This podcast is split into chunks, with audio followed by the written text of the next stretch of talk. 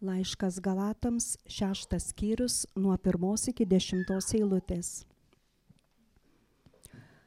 Broliai, jei žmogus įpuola į kokią nuodėmę, jūs, dvasiniai žmonės, pataisykite tokį romumo dvasia, žiūrėdami savęs, kad ir patys nebūtumėte sugundyti. Nešiokite vieni kitų naštas ir taip įvykdysite Kristaus įstatymą. O kas, būdamas niekas, tarėsi esas kažinkas, tas save apgaudinėja. Tegul kiekvienas ištiria savo darbą ir tada galės girtis pats savo, o ne kitam, nes kiekvienas neš savo naštą. Kas mokomas žodžio, tegul dalyjasi visomis gerybėmis su mokytoju. Neapsigaukite, iš Dievo nepasišaipysi, ką žmogus sėja, tą ir pjaus. Kas sėja savo kūnui, tas iš kūno pjaus sugėdimą, o kas sėja dvasiai, tas iš dvasios pjaus amžinai gyvenimą. Nepavarkime daryti gerą, nes savo metu pjausime derlių, jei nepailsime. Tad kol turime laiko, darykime gerą visiems, o ypač tikėjimo namiškiams. Tai Dievo žodis. Amen.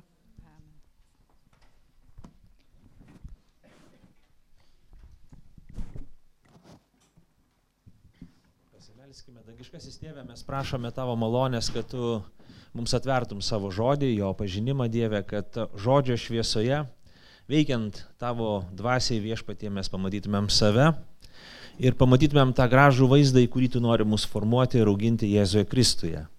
Meldžiu Dievę, kad kiekvienas iš mūsų būtumėm paliesti tavo žodžio, būtumėm padrasinti, įkvėpti, pamokyti, sustiprinti, kad mums tavo žodžiai teiktų jėgų gyventi šiandien ir matyti gražų paveikslą, kurį tu nori suformuoti mumise rytoj. Prašom per Kristų mūsų viešpatį ir visi galime sakyti Amen. Mylėk savo bažnyčią, mes dabar turim tokį, tokį ciklą iki Velykų ir mes jį pusėjam, jau penktas, ketvirtas šiandien pamokslas ir mūsų tekst, tekstas yra iš laiško Galatam, šeštos skyriaus ir pamokslas vadinasi, kaip pamokslas vadinasi, o, rūpestis vieni kitais. Rūpestis vieni kitais. Mes, kaip ir esu minėjęs, remiamės Tony Merida knyga Mylėk savo bažnyčią ir, ir besiremiant jo tam tikras išvalgas, mintis mes ir išsakom šį e, pamokslų ciklą. Taigi, man patinka buvimas gamtoj. Aš džiaugiuosi gyvendamas mieste, nors ne visą laiką, kartais galvoju, o, norėčiau gyventi gamtoj. Kaip ten kažkas yra gerai pasakęs, mums patinka būti gamtoj, bet gyventi joje, arba tie, kurie gyvena joje nuolat, mums nelabai patinka, nes nuo jų sklinda kvapas ir panašus dalykai. Taigi, bet buvimas gamtoje įkvėpia, mane įkvėpia, mane atstato iš tikrųjų, būnant, nežinau, prie jūros, girdi bangų šnekštimą, būni miške, stebi medžius, krūmus, žolynus, dalykus kažkokius kalnuose, pievose. Visą tai, aš nežinau, nepaprastai ramina.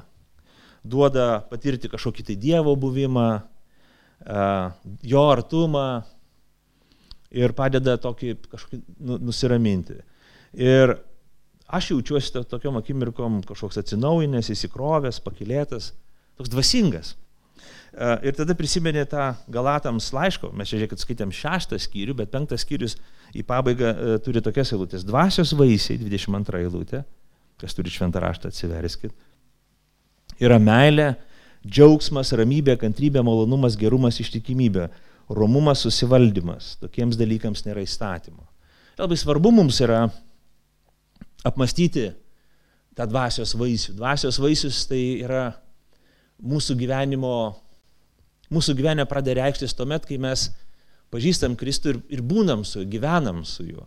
Tai ne mūsų šiaip prigimtinės savybės, bet, bet yra tam tikras rezultatas mūsų širdį tuomet, kai mes laiką leidžiame su Kristumi, būnam su juo, sekam paskui jį. Ir man būnant gamtoje kažkaip lengviau būna tą dvasios vaisių apčiuopti savį. Bet žiūrėk, kai tik sutinki to pačio gamtos, sutinki kitus žmonės, praeinančius, kurie, kurie irgi atėjo kažko įsikvėpti. Kai tik tai įsijungi telefono garsą, kažkas pradeda pyp, pyp, rum, z, z, kažką rašyti, kai tik grįžti į šeimą, į žmonių pasaulį, darbus, rūpešius, grįžta visos problemos.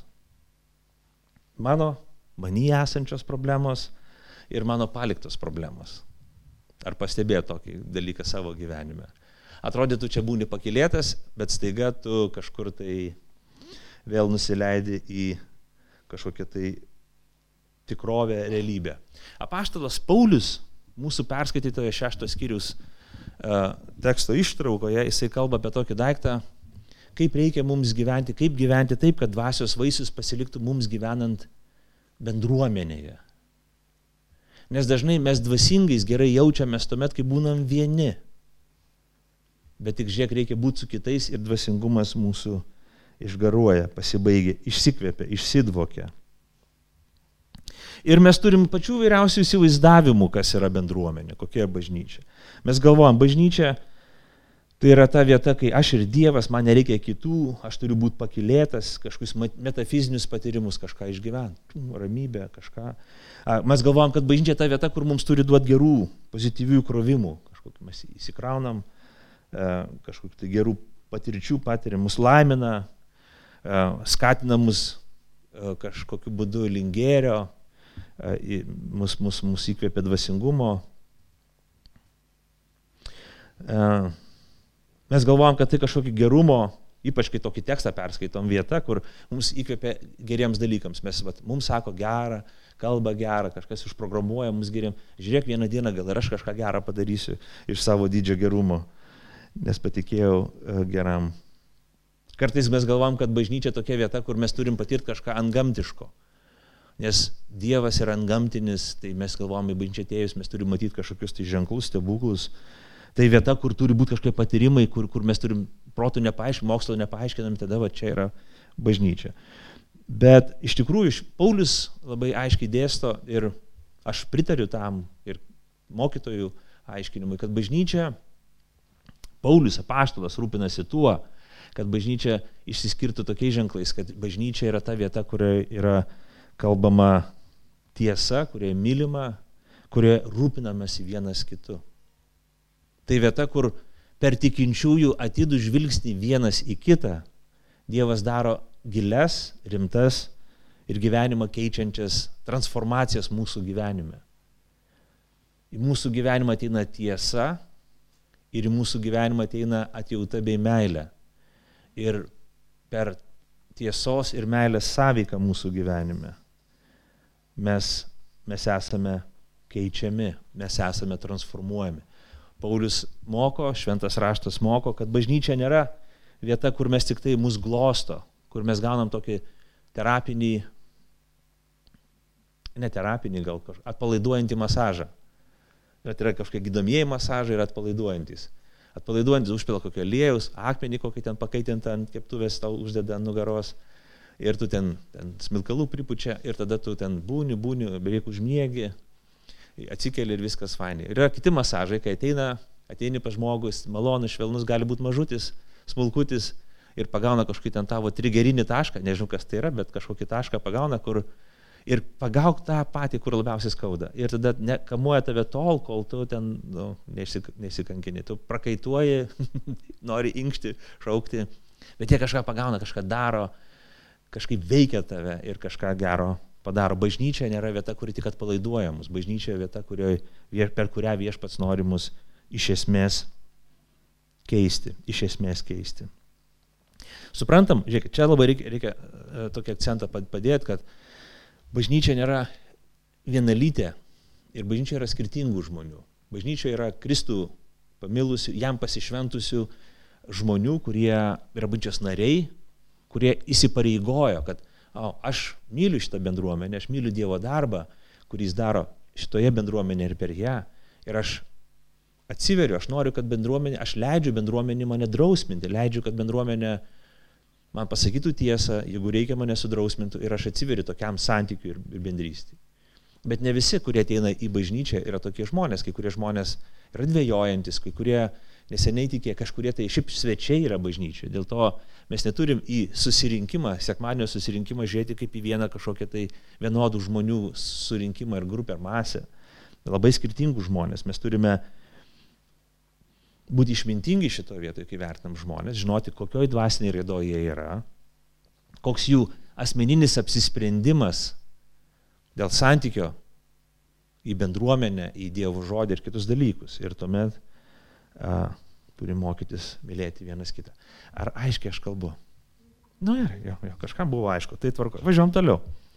Laiko daug neturim, aš ir tai nemažai jau pakalbėjau. Taigi, žiūrėkime, pirmoji eilutė, broliai, jei žmogus įpuola kokią nuodėmę, jūs dvasiniai žmonės, pataisykite tokį romumo dvasę, žiedami savęs, kad ir patys nebūtumėte sugundyti. Taigi čia apaštalas Paulius naudoja žodį tais, taisyti, tai reiškia tas pats kaip atstatyti išnyrusi kaulą. Įsivaizduokite, Paulius sako, yra žmogus, kuris žaidė futbolą, grūmėsi imtynėse, ėjo gatvėje ir jam išnyro kaulas iš vietos. Čia kažkam, kas girdi dabar jau silpna pasidarė. Ir, ir yra jautresnių žmonių. Bet taip nepaprastas didelis skausmas.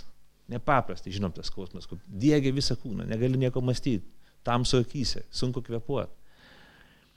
Ir koks teisingas dalykas, ką reikėtų tokiu atveju elgtis? Chirurgas, traumatologas sakytų, reikia atstatyti vietą.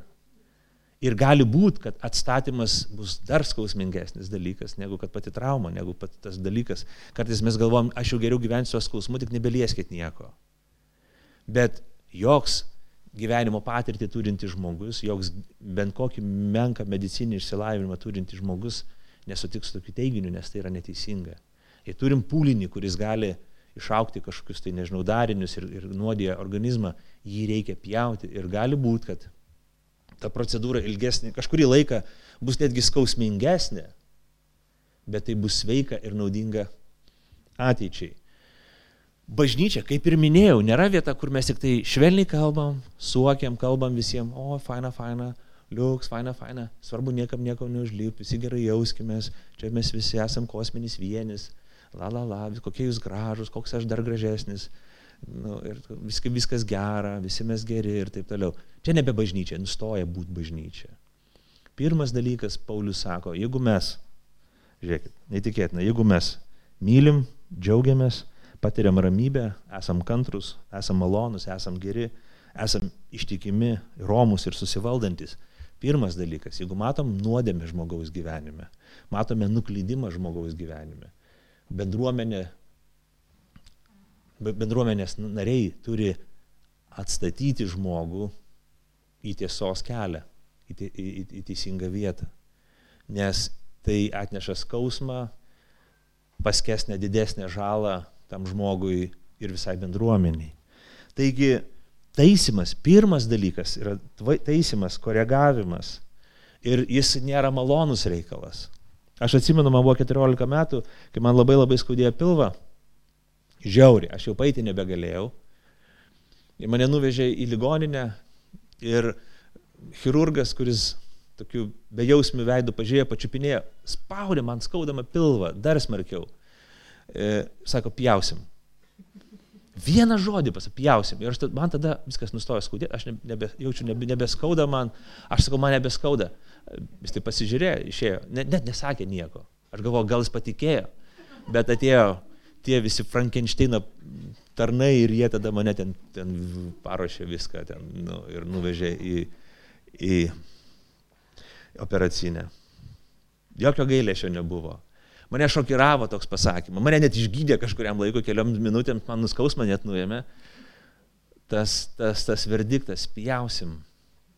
Taigi, taip, kartais tai yra protingiausias ir išmintingiausias sprendimas, bet žiūrėkit, apaštalas Paulius sako, kad mes tai darykim romumo dvasioje. Pataisykite tokį romumo dvasioje, būdami nuolankus.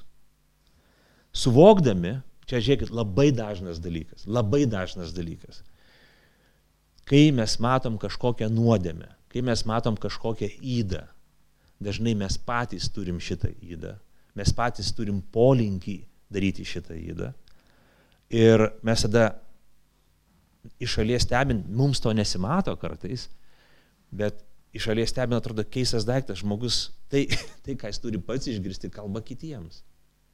Būna taip, kad pačiam žmogui to gyvenimo srity reikia keistis, bet jis visiems kitiems aiškina, keiskis čia, keiskis čia, keiskis čia.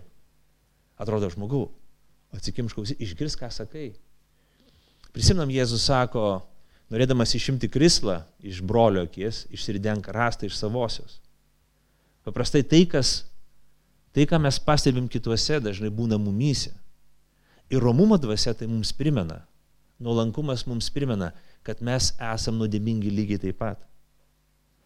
Romumo dvasia sako, tai taisant kitą, prieš taisant kitą, matant kitame įdą, pasižiūrėk save, toje pačioje gyvenimo srity, ar neturi pagundimų. Ir nes gyvenimo patirtis, mano gyvenimo patirtis, daugelio kitų bažnyčios tarnautojų patirtis rodo, kad būtent taisydami kitus dalykus žmonės būtent toj srity ir puola. Koreguodami kitų intelektualinės klaidas, jie daro patys intelektualinės klaidas. Taisydami kitų šeimų gyvenimą, tie patys žmonės išbarsto savo šeimas, palieka savo šeimas. Ir taip toliau. Dėl to mes čia šitoje vietoje švento rašto esame įspėjami, kad kai taisome pristabdytumėm, nebūtumėm perdėm entuziastingi, e, suvoktumėm, kad, kad mes esam patys pažeidžiami nuodėmės, kad mes esam broliai vienas su kitu, o ne konkurentai, mes esam šeima, o ne besivaržantys. Mes neturim demonstruoti pranašumo. Tai, kad aš tave taisau, niekaip neįtvirtina mano teisumo, nes aš išteisintas per Kristų aš taip pat nusidėlis kaip tu broli ar kaip tu sesė. Bet jeigu pasakau kažkokius kritinius pastebėjimus, sakau dėl to, kad Kristus mus taip moko, dėl to, kad tiesa mus taip moko, ne dėl to, kad aš esu pranašesnis ar stipresnis už tave. Dargi vėlgi svarbus dalykas, kad aš manau, kad mūsų kultūrai, dar, dar gal svarbu tai pastebėti, mes apskritai nelinkę kažką koreguoti ir taisyti, mes kultūrai linkę toleruoti. Ir dabar toks vis tiek kultūroje esantis, vyraujantis toks tolerancijos, nežinau, um, mm, noriu sakyti stabas, bet nepasakiau šito žodžio. Tolerancijos tok, kultė, sakykim taip, ne? nes mes sakom, buvo būti tolerantiška, kodėl toks netolerantiškas esi. Bet ir mums labai dabar sudėtinga pasakyti žmogui kažkokį dalyką, nes mes pasirodom kaip netolerantiški, priekabus, kaip kažkas stebintis, kontroliuojantis. Ir čia aš manau, kad čia mums reikia būti dėmesingiams. Mes neturim kištis vienas į kito gyvenimą, mes neturim kontroliuoti vienas kito gyvenimo. Jeigu mes iš tikrųjų siekiam Kristaus romumo, mes matysim, kad daug pamokų mes patys turim išmokti. Ir nebėra daug jėgų ten aiškint kitiems ir kištis į kitų gyvenimą. Nes matai, kad tu pats daug kur silpnas, pažeidžiamas, kur tau reikia pačiam Kristaus sustiprinimo ir atpirkimo, nes e, dvasia e, stipri, bet kūnas silpnas, dvasia ryštinga, bet kūnas pasuoja, mes, mes dažnai stokojam tam tikrų dalykų. Dėl to, kaip tikintieji, mes neturėtumėm kištis į žmonių gyvenimus, manipuliuoti, smerkti, apkalbinėti, piktintis kitais žmonėms, jaustis pranašesniais už juos. Atvirkščiai mes turėtumėm, jeigu mes turime santykį, jeigu mums rūpi tie žmonės, jeigu mes bendraujam su jais, jeigu mes juos mylim, jeigu mes įsipareigojam jiems, mes tai darom iš meilės, iš uh, atjautos iš to, kad mums tas žmogus rūpi. Ir, ir čia, manau, svarbus tas momentas. Timas, Timas Kelleris tą, tą mintį išsako, kad kai mes koreguojam, kai mes apskritai saveikavom bendruomenį, kai tarnaujam bendruomenį, mes turim saugotis vieno dalyko, tokio pranašumo jausmo ir ne visavertiškumo. Evangelija mus išgydo iš tų dalykų.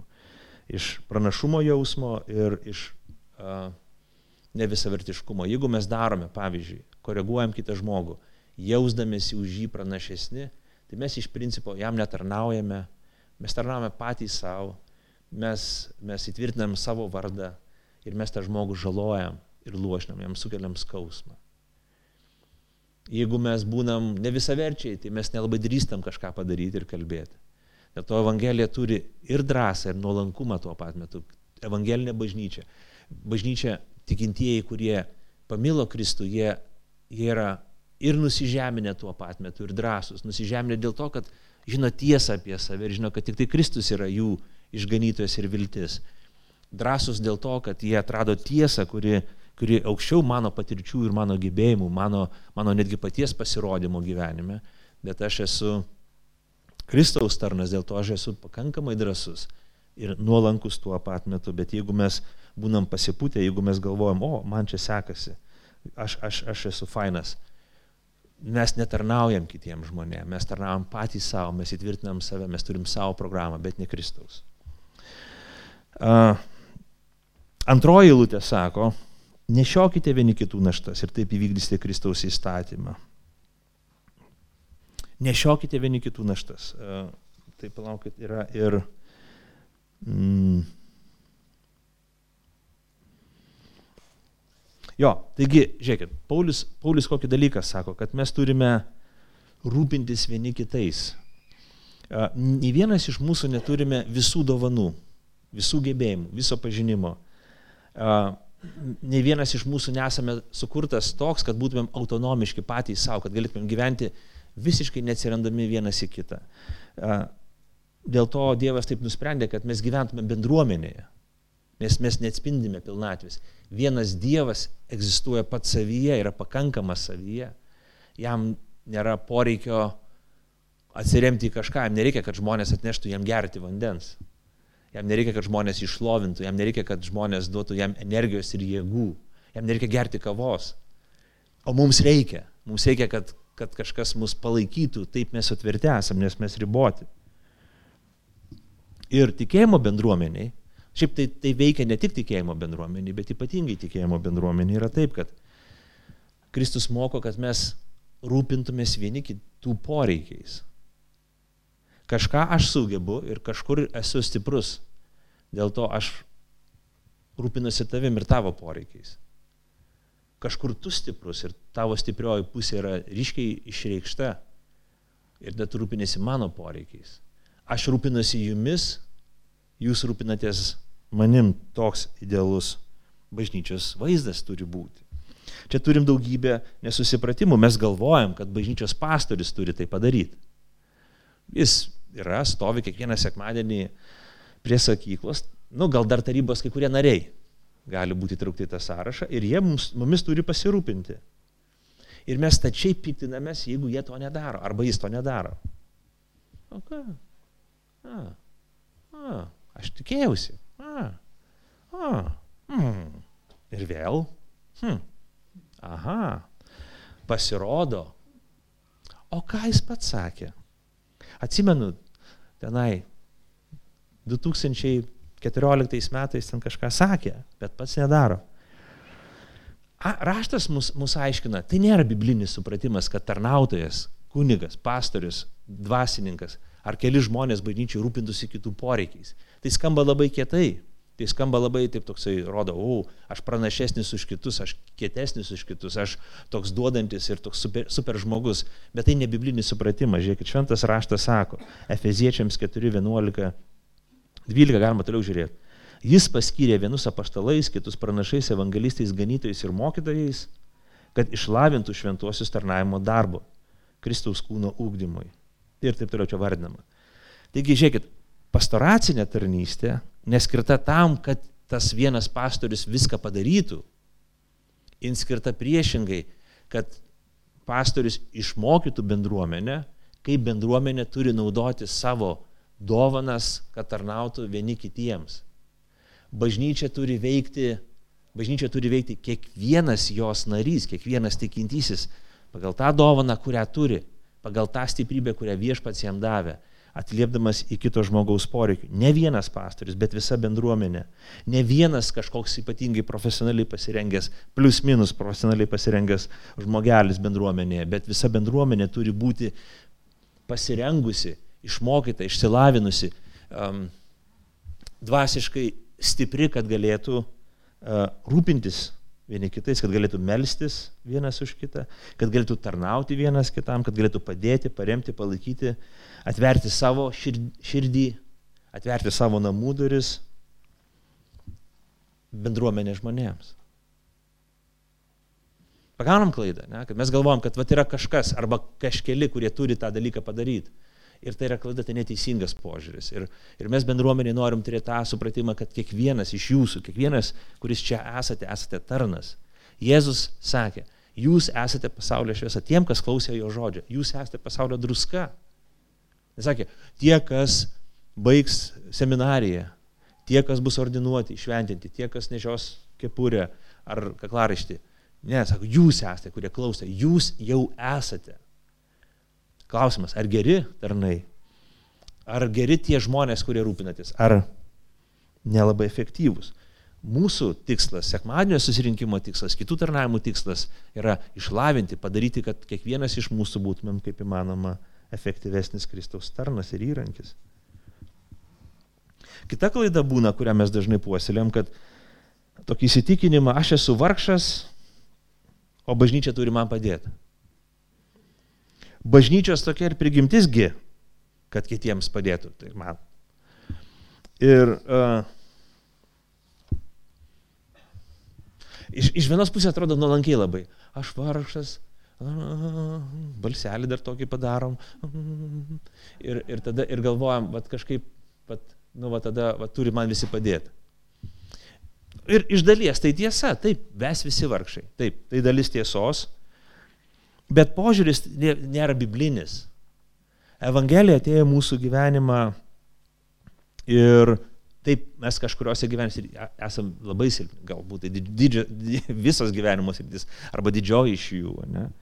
Bet Kristus atėjo tam, kad mes būtume stiprus. Mes negalim tikėtis, kad visą mūsų gyvenimą kiti mumis rūpinsis ir mus neš kaip tas kulverstukas, kuris jam buvo sunku nešti lagaminus, tai jisai norėjo, kad geną jį neštų, o jisai tada laikys lagaminus. Mm. Šito vietoje tai taip neveikia. Žiūrėkit, viešpas atėjo tam, kad mūsų silpnumą paverstų į stiprybę, tam, kad atpirktų mus. Ir gali būti kažkurį laiką mes esam silpni, gali būti kažkurį laiką mums reikia pagalbos, gali būti kad mes turim kokių ypatingų poreikių, kai mes ir ilgą, o gal net ir visą savo gyvenimą būsim priklausomi nuo kitų, bet mes turim kažką, turim kažkokią dovaną, turim kažkokią galimybę, kaip, kaip, kaip galim padėti kitiems, kaip būti naudingi kitiems, kaip patarnauti kitiems. Viena labai graži giesmė sako, dabar silpnas sako, aš stiprus, vargšas nieko nestokos, nes dovanojo viską viešpats mums. Dabar silpnas sako, aš stiprus, Jeigu mes sutinkam Kristų, jeigu mes pažinom jį, dabar mūsų silpnybės yra sustiprintos, dabar mūsų vargingumas yra atpirktas ir mes esam turtingi jame, gal mes neturim daug pinigų, gal mes neužėmam aukštų postų, gal mes neturim kapitalo ir dalykų, bet mes turim, galim duoti gerą žodį, galim palaikyti, galim padrasinti, ga, galim padaryti tai, kas nekainuoja nieko, tai, kas nereikalinga ypatingo išsilavinimo. Tiesiog tarnauti kitiems, padrasinti kitus, palaikyti kitus, prisidėti savo savanorystę ir kitais dalykais. Dėl to mąstymas, kaip kiti man turi padėti, yra, yra netinkamas. Ypatingai, jeigu jis užtrunka ilgesnį laiką, tai rodo, kad žmogus kažkur tai stringa, kažkur jo ratas buksuoja ir jisai netolygiai dvasiškai bręsta. Mes turim mąstyti tokį dalyką, kad uh, mes turim nešti vieni kitų naštas, bet neturime tapti našta kitiems. Viešpats tuos dalykus dėlioja.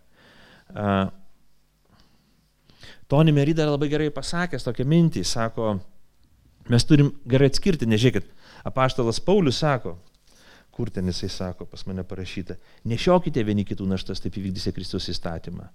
O kas būdamas niekas tarėsi esas kažinkas, tas save būdinėti, kiekvienas ištyrė savo darbą, tada galės girtis pats savo, o ne kitam, nes kiekvienas neš savo naštą.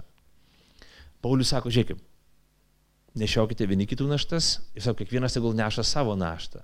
Kartai žmonės, kurie pasiklysta savyje, kurie uh, puikuojasi, lyginasi su kitais, kurie didžiuojasi prieš kitus, kurie uh, uh, paprastai mes linkia taip vertinti save kažkaip tauresniai šviesoje, lyginti su tais, kurie turi mažiau, kurie padarė mažiau ir jaučiam tokį pranašumą. Ir Paulius sako, ei, jeigu nori vat, girtis, tai sako, vienas užsidaryk virtuvį, išjung šviesą ir tada girkis savo, kad niekas negirdėtų, niekas nematytų to tavo pasigirimo, nes jis tušęs, nes jis iškraipo tikrovę, neš savo naštą. Galbūt tu esi, nežinau, protingesnis, gabesnis, įtakingesnis negu kitas, bet tai tavo našta, Dievas tau davė ją. Kam daug duota, iš to bus daug pareikalauta. Nesipuikuok prieš kitą. Jeigu puikuosi, net nesupratai, kad, kad tau duota ir kas tau duota, ir iš ko tau duota, ir kas iš tavęs pareikalaus. Ir mes turime, bendruomenė nėra ta tokia, tikėjimo bendruomenė turi būti tokia, oi mes tik padedame, mes tik manome ir negalvojam, tokių, tarytum, šiek tiek gyvenimo nesuprantančių žmonių bendryje, kuri, kuri tiesiog daro gerą, daro gerą ir net niekad nevertina. Meilė nėra išvėpusi, meilė nėra tokia atsilupusi, meilė yra išvalgi.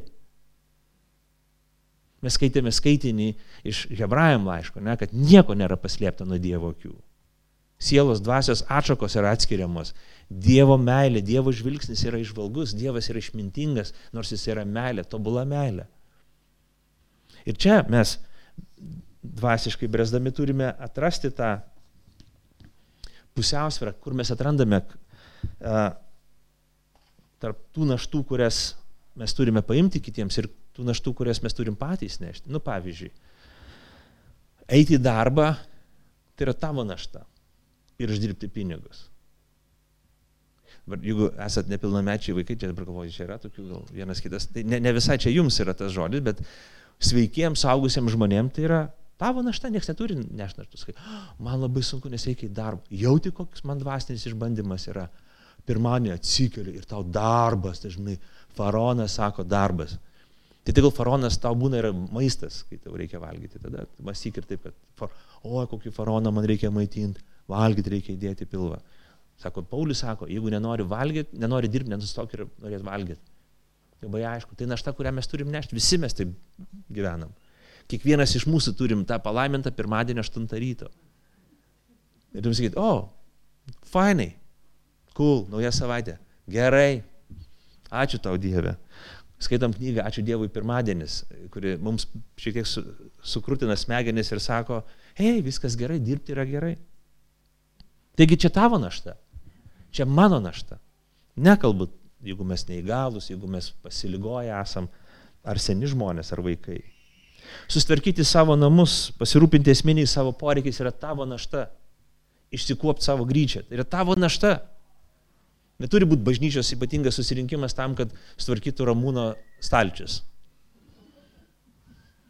Ten, kaip sakė, nesąmonių stalčius, tokie egzistuoja.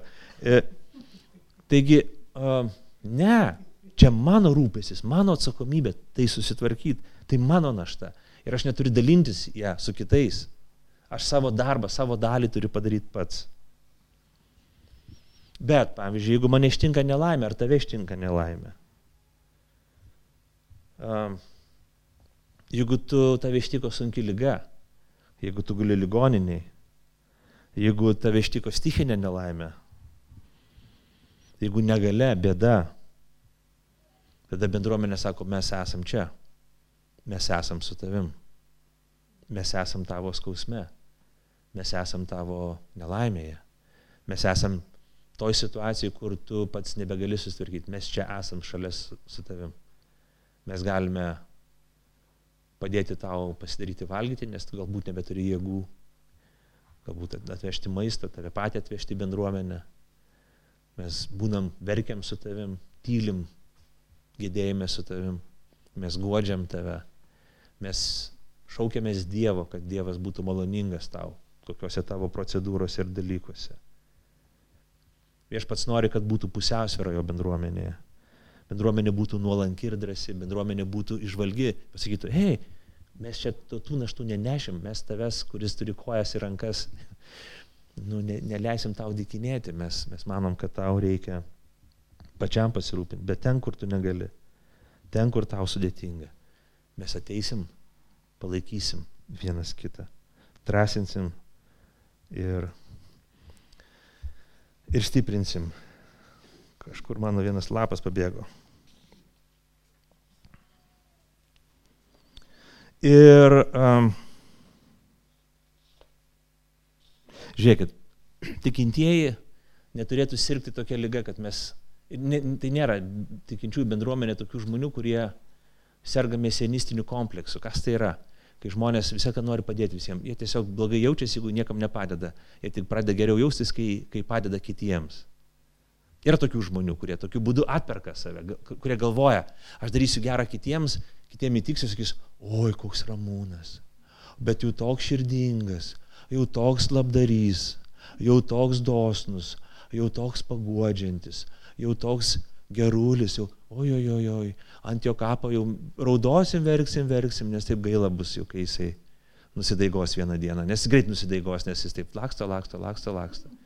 Bet tas ramūnas būna pilnas pykčio, kai jis nulaksto kažkur ir kažkas nepagirė jo, kažkas nepadeda laiko ant jo posto, koks jis buvo gailestingas.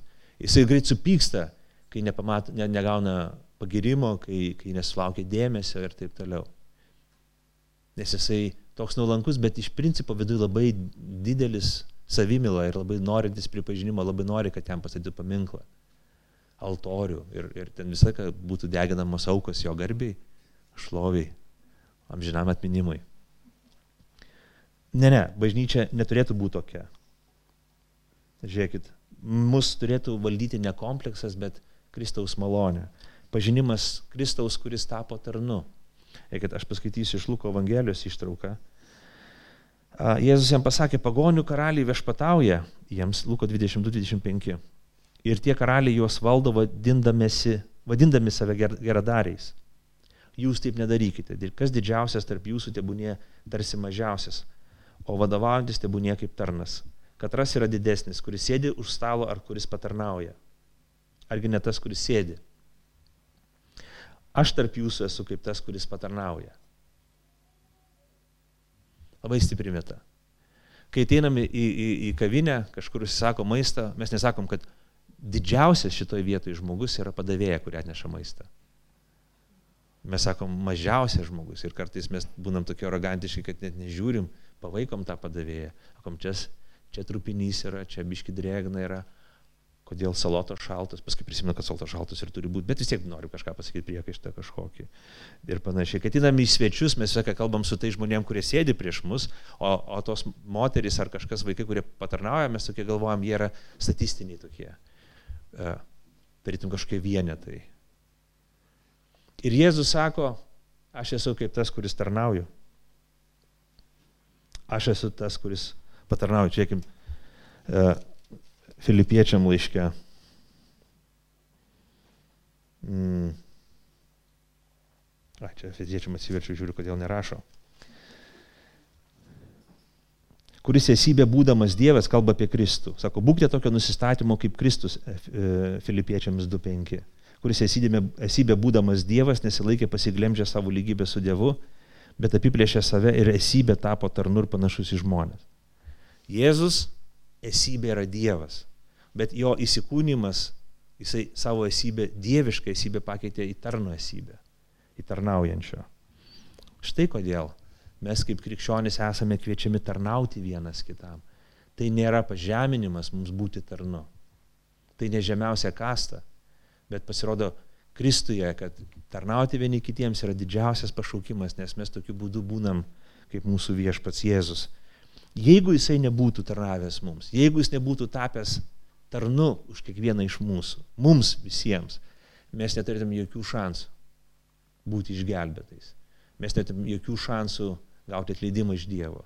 Mes vergautumėm įstatymui, turėtumėm savo jėgom kapsytis iš pražūties ir neturėtumėm jokios vilties, kadangi Kristus, būdamas Dievas, tapo žmogumi, tapo tarnu, per jo šį nusižeminimą, ant kryžiaus nusižeminimą, prisikėlimą iš numirusių, kiekvienas iš mūsų esam priimti, jį atgailavome ir tikime Evangeliją.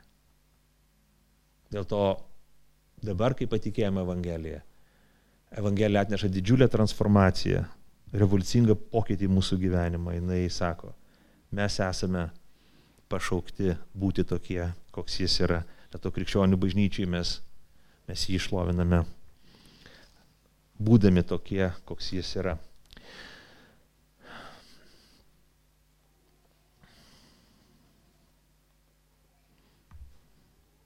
Kažkas dabar žiūri, ten Facebooką tikrinasi, o dabar dalinamės. Taigi, čia trumpai labai užsiminsiu. E, šeštoji lūtė, kas mokosi, mokamas žodžio, tegul dalyjasi visais gerais dalykais su mokytoju. Čia šventas raštas tokį duoda, aš labai trumpai porą sakinių. Apaštalas moko, kad e, šventas raštas moko, kad bažnyčia turi pasirūpinti Biblijos mokytojo poreikiais. Tas, kas pamokslauja, turi būti aprūpintas. Tai nėra paties žmogaus sugalvota iniciatyva, kažkokia manipulacinė schema, bet biblinė bendruomenės našta - rūpintis tuo, kas moko Dievo žodžio. Dabar aš kalbu ne, ne tik apie mūsų bendruomenę, aš kalbu apie principą. Visą gyvenimą tą turim suvokti, kur mes būsim, kokiose aplinkybėse gyvensim. Kad bendru, Dievas taip sudėlioja, kad tikėjimo bendruomenė, žmogus, kuris moko Dievo žodžio, tikėjimo bendruomenė turi stengtis aprūpinti jį pagal išgalės ir galimybės. Toks biblinis principas yra. Paulius sako, neapsigaukite, iš Dievo nepasišaipys septintojo lūtė. Ką žmogus sieja, tą ar pjaus, kas sieja savo kūnui, tas iš kūno pjaus supuvimą, kas sieja dvasiai, tas iš dvasios pjaus amžiną gyvenimą.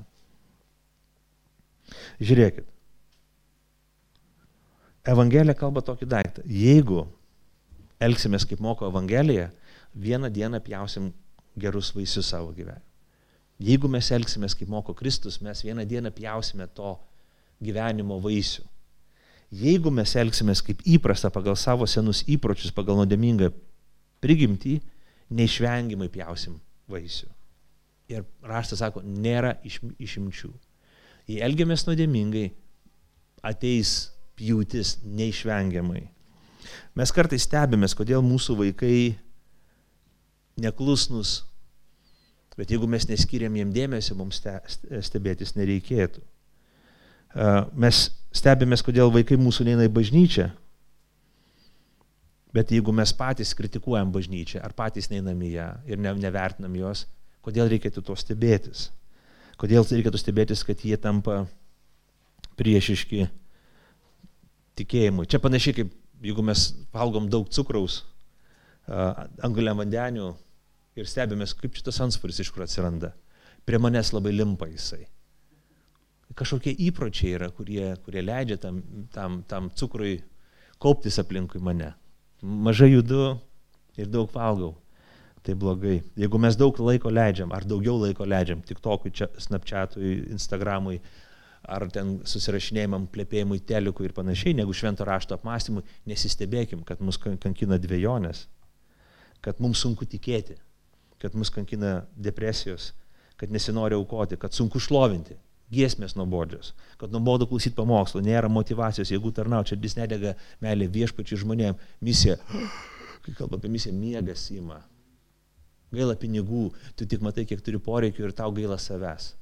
Nesistebėk ką pasėsi, tą nupjausi. Stotas sako, Džonas Stotas sako, siek mintį, pjausi veiksmą.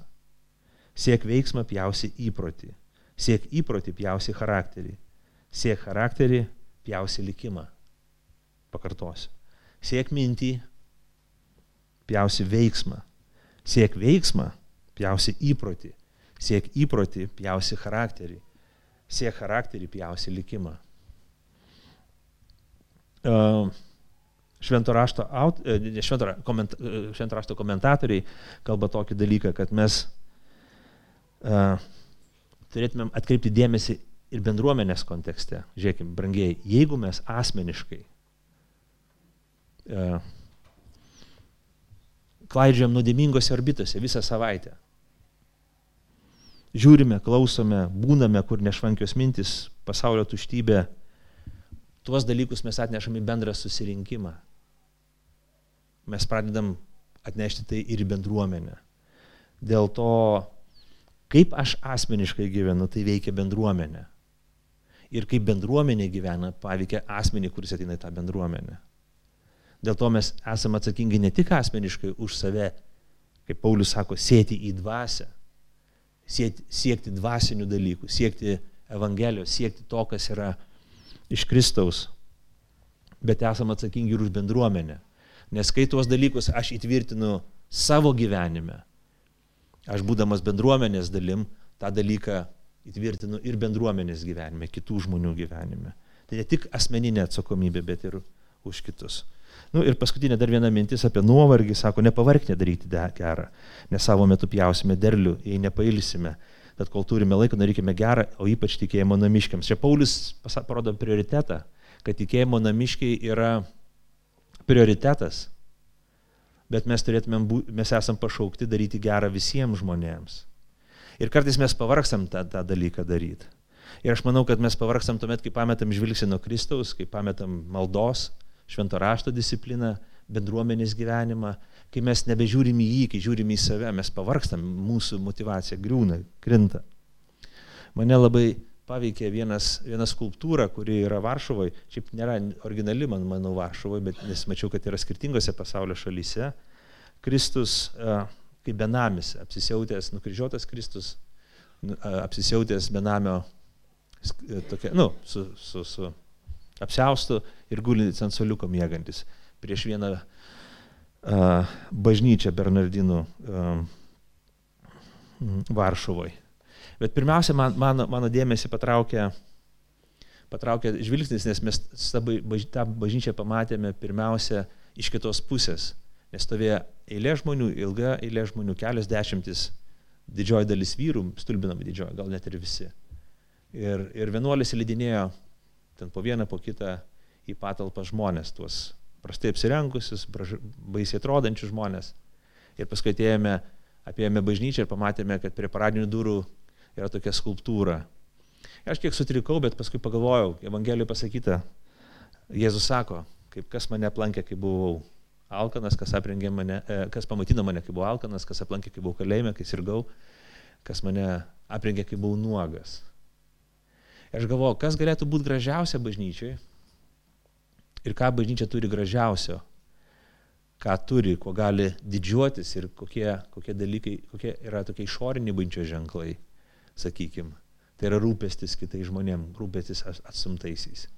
Ne tik rūpestis vieni kitais, ką mes esam pašaukti pirmiausia prioriteto tvarka rūpintis vieni kitais, bet taip pat daryti gerą visiems žmonėms. Ir galvoju, labai norėtųsi, kad mes kaip bendruomenė būtumėm žinomi ne dėl to, kad mes kažkokie takingi, kažkokie ten charizmatiški, bet tiesiog mus pažintų dėl to, kad mes aprengiam, pamaitinam, aplankom, tiesiog rūpiname žmonėms. Ne tik dėl to, kad kažkokią programą, dėl to, kad vardą turėtumėm, bet dėl to, kad mes, mums pradeda rūpėti žmonės. Kad mums gaila žmonių. Kad mes galvojam, kad nelaimės, baisaus likimo ištikti žmonės yra tie, prie kurių mes pašaukti prisiliesti. Aš labai džiaugiuosi ir didžiuojuosi tais tarnavimais, kuriuos mes turim bendruomeniai. Kai mes tai stengiamės ir mokomės tai daryti. Ir aš galvoju, mes visokiojopai turim palaikyti tai, stiprinti tas tarnystės. Ir kiekvienas turėti dalį tame.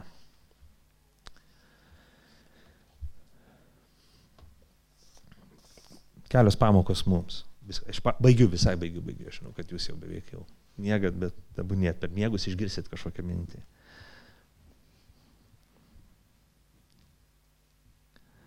Taigi, ką mes galim daryti? Pirmas dalykas - kažką daryk. Daryk žmonėm, padėk, paneš kitų naštą, dalinkis, daryk gerą. Tiesiog turėti tokį apsisprendimą, kad tai mano pašaukimas. Jei aš patikėjau Kristui, jei Kristus atėjo pas mane vargšą, tai reiškia, aš ir, būdamas va čia bendruomenė, galiu apmastyti, pasižiūrėti ir galvoti, kam aš galiu padėti, kam aš galiu būti padrasinimas. Antras dalykas, pripažink, kad rūpinimas nusidėjusių žmonių ir kenčiančių žmonių gerovė yra tikinčiųjų tarnystė. Visų tikinčiųjų. Ne tik vieno kažkokio pastoriaus ar ten kažkokių ypatingų žmonių, aktyvesnių žmonių, bet visų mūsų. Nepamiršk, kad tavo ir mano asmeninis gyvenimas visuomet darys, visuomet darys poveikį bendruomeniai. Todėl rimtai žiūrėkime į tai, kad mes sėtumėm į dvasę, kad siektumėm dvasinių dalykų savo gyvenime. Šiandien po pietų, kai grįšim namo, visą savaitę, kai darbuosimės, veiksim, siekime dvasinių dalykų, siekime Kristaus, nes tokiu būdu mes atnešam Kristaus krislelę į bendruomenę. Kiekvieną savaitę ieškokime galimybės padaryti kažką gerą kitiems. Asmeniniai, jei mūsų jėgos neleidžia tai padaryti, darykim kaip bendruomenė. Galiausiai melskime už bažnyčią, melskime už bendruomenė esančių žmonės. Kažkas išgyvena kančia, kažkam būna operacijos, kažkam būna sunkumai, kažkam būna bėdos. Nuolat ir nuolat, niekad nesibaigia tai. Dėl to aš manau, kad dvasinio tokio pabudimo bruožas yra, kai mes prisimenam šitos poreikius, kai mes atsimenam ir savo maldoje užtariam tų žmonės, kam yra sunku. To nepamirškim, tai būna tai mūsų maldose. Pakilkime, maldai brangiai. Dangiškasis tėvė, dėkojame tau už Evangelijos žodį, pamokymą. Evangelija mus moko, kad mes turime transformuotis, kad bendruomenė, tikėjimo bendruomenė pašaukta ne tik tai um, džiaugtis dvasiniais dalykais, pažinti, galvoti, išpažinti dalykus, kaip mes čia uh, tikim, kuo tikim, ginčytis su kažkokiais tai, uh, ne, su mumis nesutinkančiais, ir, bet, bet tai yra viso gyvenimo transformacija. Tikėjimo kelionė yra viso gyvenimo transformacija ir tu nori mus perkeisti viešpatie. Tu mus nori koreguoti ir kartais tu paimi mūsų išnirusius sanarius ir atsatai į vietą, kai mes klystam. Kai aš klystu viešpatie, kai aš kažkur pradedu gyventi ne taip ir kartais būna skausminga tai patirti ir išgyventi. Bet viešpatie, ačiū tau, kad to, ta malonė pasiekė. Ir melžiam Dievę, kad mes būtumėm tarnaujantį bendruomenę, besirūpinantį vieni kitais, kad mes su meile ir tiesa tarnautumėm vienas kitam, kad mes rūpintumės vieni kitais, suvokdami, kuriam mūsų naštas patys neštumėm, kitiem neuždėtumėm, bet tuo pat metu būtumėm drąsus dalintis, kad kažko aš nepakeliu. Broliai sesės padėkit. Matau kitų nuovargį, sunkumą, kad mes būtumėm drąsus ir užtikrinti, padėti tiems, kam reikia mūsų pagalbos, kad tu Kristų būtum išaukštintas per tai. Ne tik mūsų susirinkime, kai mes rūpinamės vieni kitais, bet ir už mūsų bendruomenės ribų Dieve. Kai mes atjaučiame kai mes paguodžiame, kai mes stipriname, drąsiname, aprengiame, pamaitiname, liūdime su tais, kam reikalinga mūsų pagalba. Tu prašom per Kristų mūsų viešpatį. Amen.